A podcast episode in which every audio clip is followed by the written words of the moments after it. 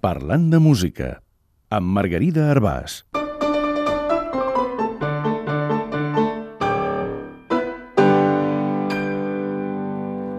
Pompeu Fabra i Pau Casals. Les vides de Pompeu Fabra i Pau Casals, un gramàtic i un músic, s'encreuen a Prada, al Conflent, on tots dos van a parar seguint el camí de l'exili al final de la Guerra Civil Espanyola. El 26 de gener del 1939, les tropes franquistes entren a Barcelona i Casals s'exilia. Fabra travessa la frontera el 31 de gener. Malgrat l'exili, cap dels dos s'allunya mai gaire de Catalunya. Físicament, poc, i emocionalment, gens. Pompeu Fabra no va gaire més enllà de París. Li ofereixen bitllets per anar a Amèrica, però s'estima més quedar-se a Prada. Tot i les privacions econòmiques, s'hi sent a casa. Al Conflent s'hi parla català, i altres refugiats, i com rememorava la seva filla Carola, ens ho passàvem molt bé, no menjàvem, però rèiem.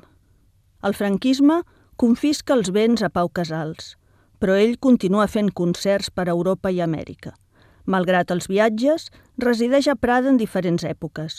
Primer en un hotel, més endavant a Vilacolet i després en una torreta anomenada el Cant dels Ocells. Casals fa concerts a benefici dels refugiats. Participa en campanyes per recaptar menjar, roba i medicaments. Escriu cartes a personalitats i dona diners a altres exiliats. Fabra és un dels receptors de la seva ajuda. A l'exili, Fabra hi passa estretós, tot i que no para de treballar.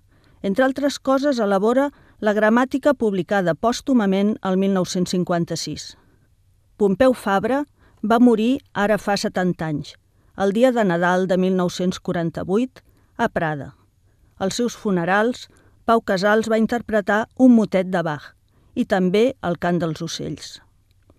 Aquests dos mestres, de la llengua i de la música, van saber practicar tot l'any la generositat pròpia d'aquests dies. Una manera d'homenatjar-los podria ser mirar d'aplicar cada dia, cada un de nosaltres, la coneguda frase de Pompeu Fabra. Cal no abandonar mai ni la tasca ni l'esperança.